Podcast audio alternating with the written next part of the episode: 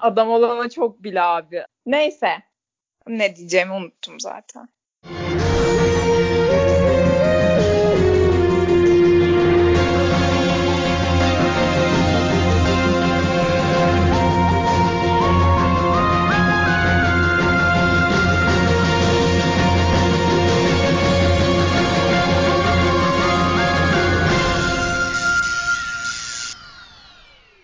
Merhaba arkadaşlar. Adım Olana Çok Bile podcast serisiyle bir merhaba demek istedik. Ben Ceyda, arkadaşım Ata. Şimdi Ata kendini tanıtsın. Ondan sonra ben tanıtayım. Sonra başlayalım.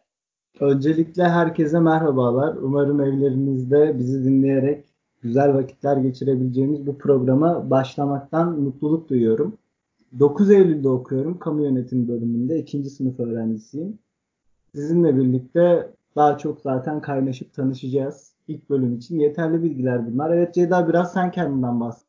9 Eylül'de okuyorum. Ben de hukuk fakültesinde öğrenciyim. ikinci sınıfım. E, Atay'la da ortaokuldan beri tanışıyoruz. Aynı okulda okuduk. Liseyi de aynı okulda okuduk. Bunu zaten sonra bir bölümümüzde değiniriz. Böyle.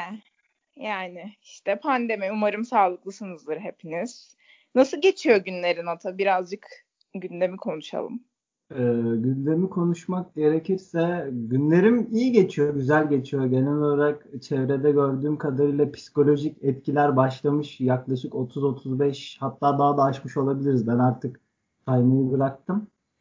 E, günlerim evet. düzenli olarak hani genelde insanlar bu süreçte geceleri yaşayıp gündüzleri uyumayı tercih ediyorlar ama ben normal yaşantımdaki gibi gündüzleri ayakta, geceleri uyur bir şekilde geçiriyorum. Emin misin öyle geçirdiğini? Evet evet öyle geçiriyorum ya. Peki. Yani bu konuda, bu konuda hiçbir şekilde yalan söyleyemem. Peki. Sen ne yapıyorsun? Nasıl geçiyor günlerin? Aa ben de ne yapayım işte biliyorsun benim gelişim bile zaten olaylıydı ki bunu 1500 kere anlattım sana. Sıkılmış olabilirsin ama bir de arkadaşlarıma anlatayım hemen. Evet bu, bu hikayeyi bir de bu hikayeyi bir de sizler dinleyin. Ben yurt dışındaydım. 9 Mart'ta gitmiştim Almanya'ya. İki gün sonra Türkiye'de ilk vaka ortaya çıktı. Ondan sonra işte iki günde sınırları kapatmazlar diye düşündüm. Çünkü beş gün falan daha kalacaktım ama iki günde sınırları kapattılar. Ondan sonra cıma ne olacağını anlamadık tabii ki. Böyle bir telefonları bir açtık. İnternetimiz de yoktu. Dışarıdaydık. Böyle bir yere bağlandık. Annem aramış böyle defalarca bir sürü insan mesaj atmış kaldın orada ne yapacaksın falan diye. Ondan sonra işte baktık 9 tane ülkenin e, işte uçuşları durdurulacak.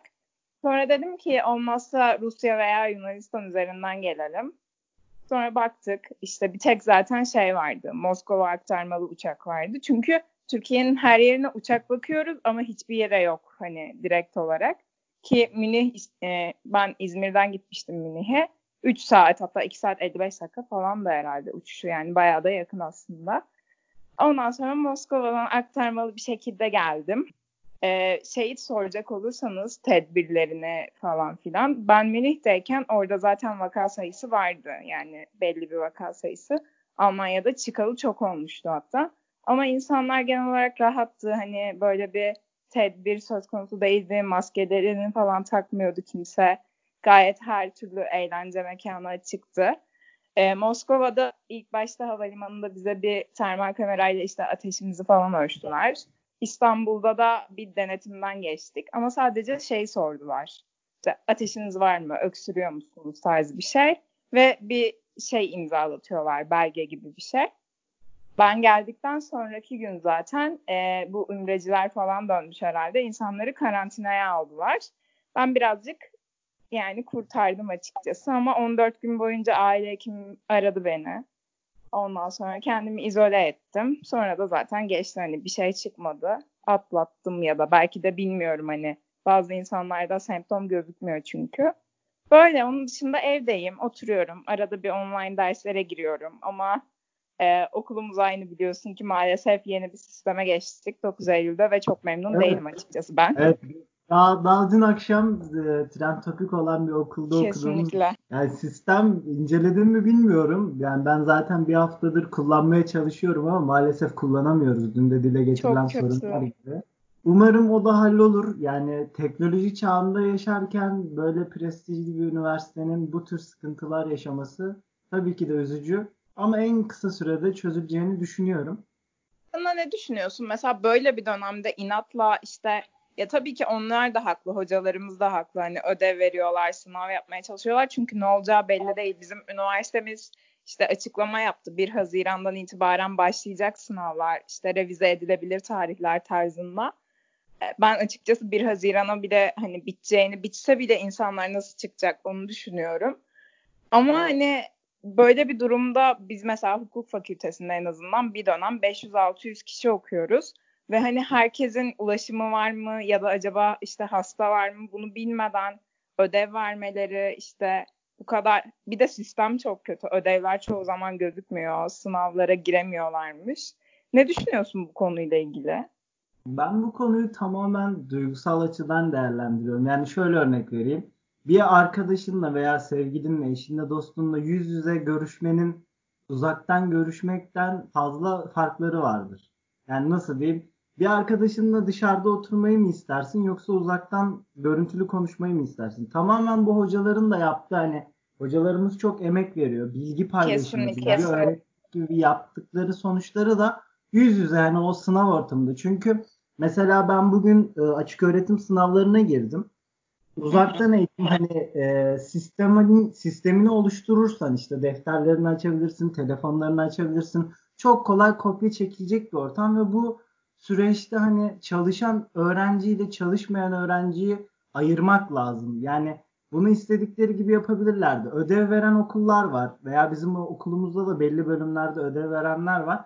Ama o sınıf ortamında girilen sınavlar kadar hani o stres kaygı bile ne bileyim böyle yapılan emeklerin bir karşılığı gibi geliyor bana.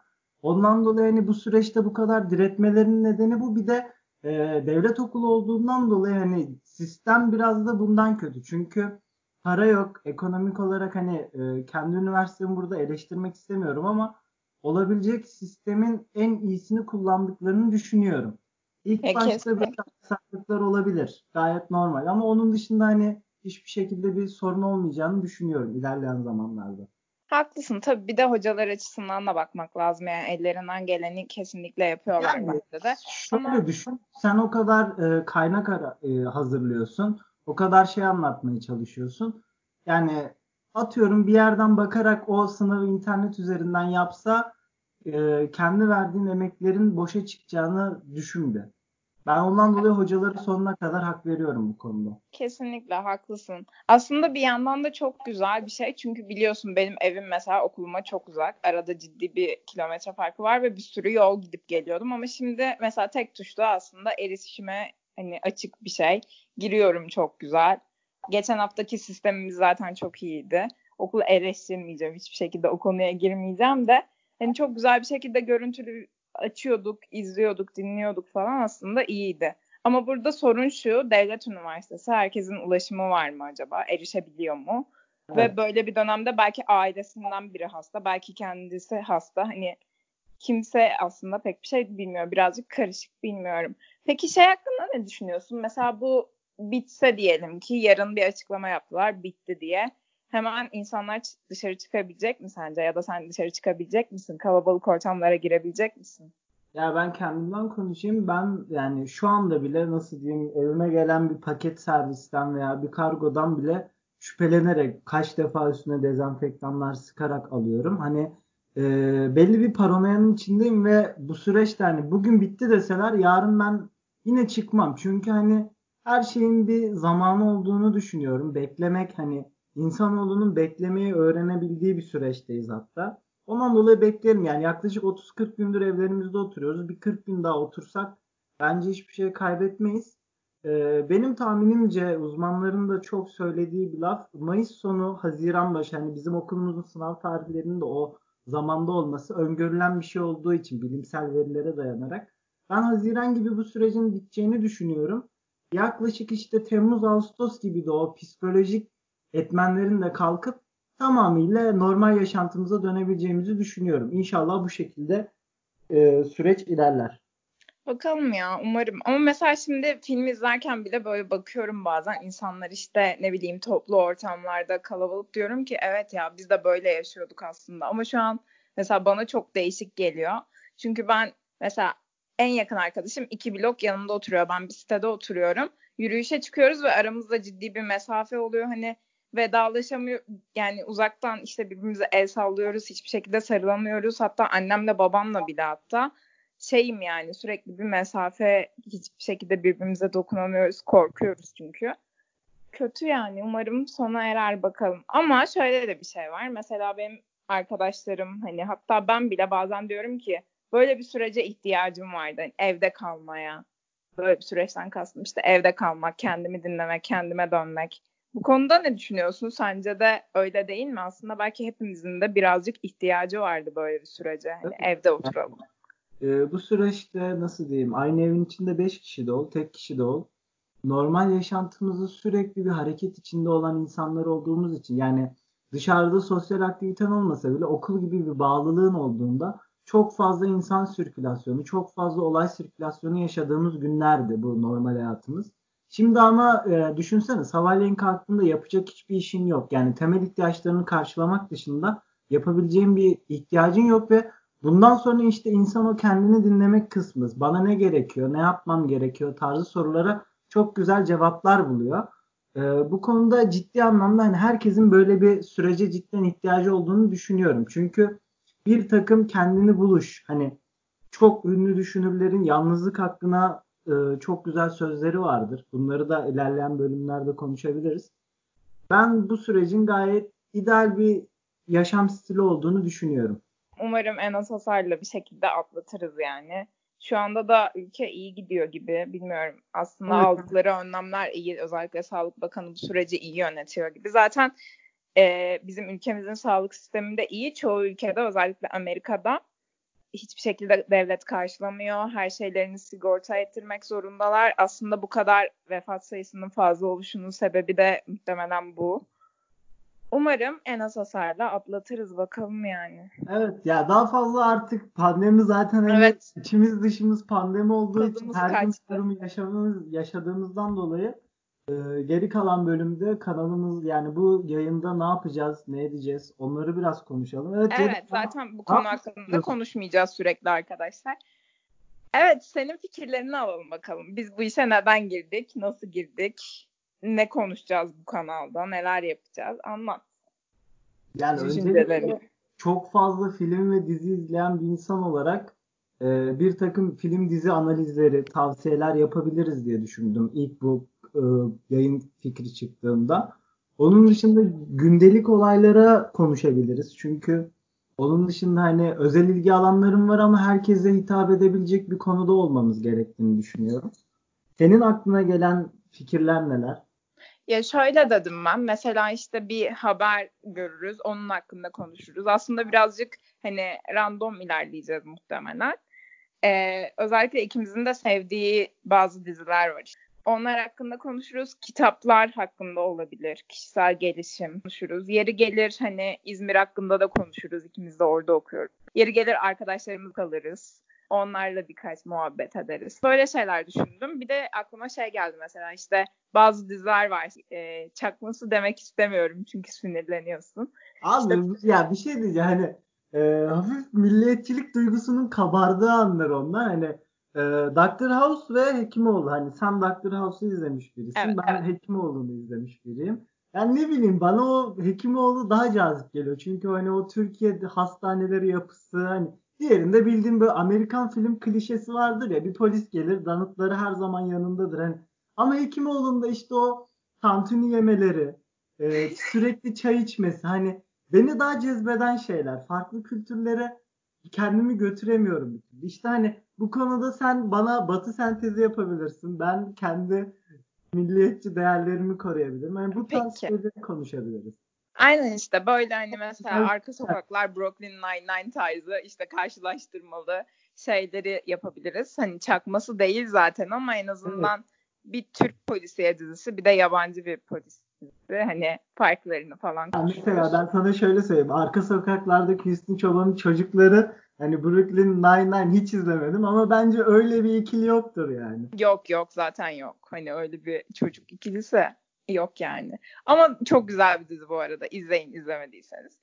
Onun dışında ne konuşuruz? İkimiz de ortaokulu hatta ilkokulu yani uzun bir süre Konya'da okuduk. Birazcık Konya muhabbeti yapılır. İnsanlara lütfen ama lütfen etli ekmek ve kıymalı pidenin farkını anlatalım. Çünkü bu beni çok sinirlendiriyor.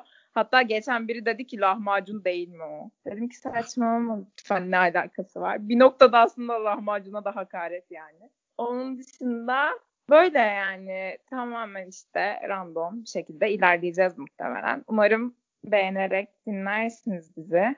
Peki önümüzdeki bölümde ne yapacağız? Önümüzdeki bölümde yani benim hayat felsefem olan bir diziden bahsetmek istiyorum. Rick and Morty hani sen de bu konuda çok bir tutkulu Rick and Morty fanısın. Kesinlikle.